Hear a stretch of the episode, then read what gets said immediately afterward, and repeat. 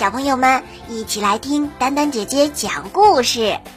亲爱的宝贝，今天丹丹姐姐要和大家分享的故事叫做《田鼠小弟和风呼呼》，作者是日本的五路月子，绘画莫奇茂树，彭毅翻译。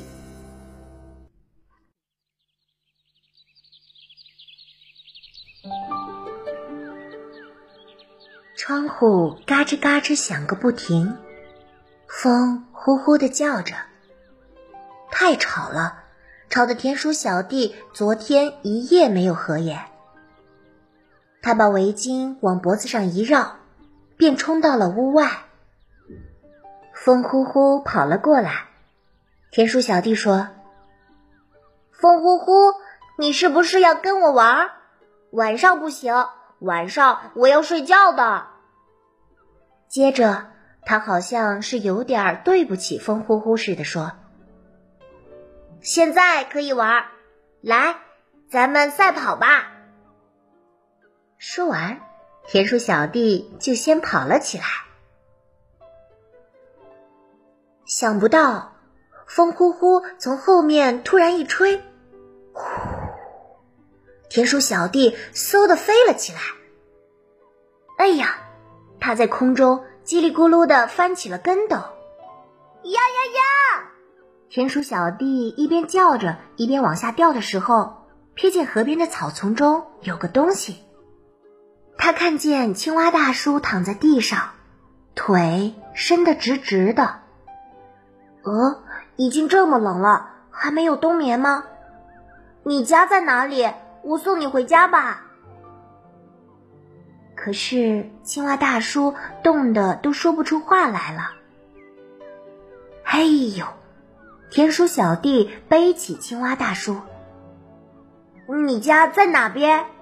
那边吗？”“不了，不了。”“这边吗？”“哦，不，不。”好不容易才找到青蛙大叔的家，门就那么开着。风呼呼吹了进来，不行，屋子里又湿又冷。田鼠小弟让青蛙大叔躺到床上，他把自己脖子上的围巾围到了青蛙大叔的脖子上。等暖和了就睡觉吧。青蛙大叔闭上了眼睛。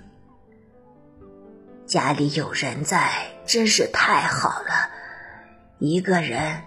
太寂寞了，那也不要到外面去啊！要等到春天，小溪哗哗的开始唱歌再出去，好吗？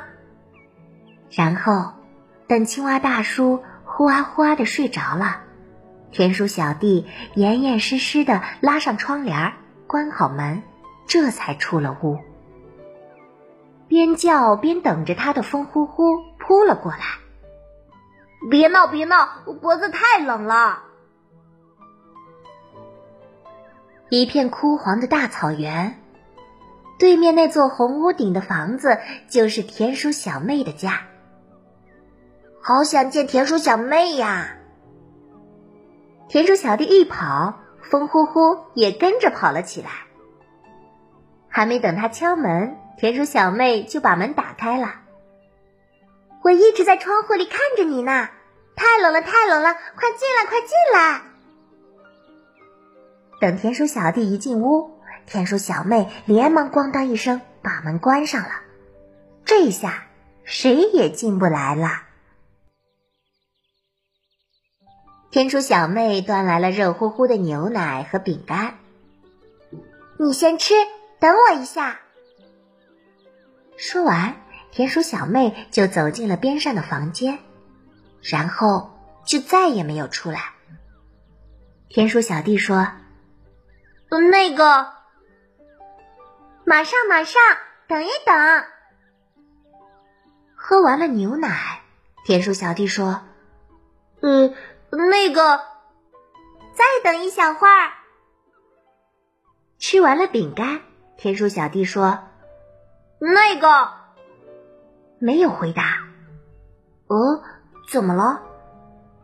一点声音都没有。田鼠小妹，你在吗？好啦，治好啦，让你久等啦。啪，门开了，田鼠小妹抱着一条蓬松暖和的大围巾出来了。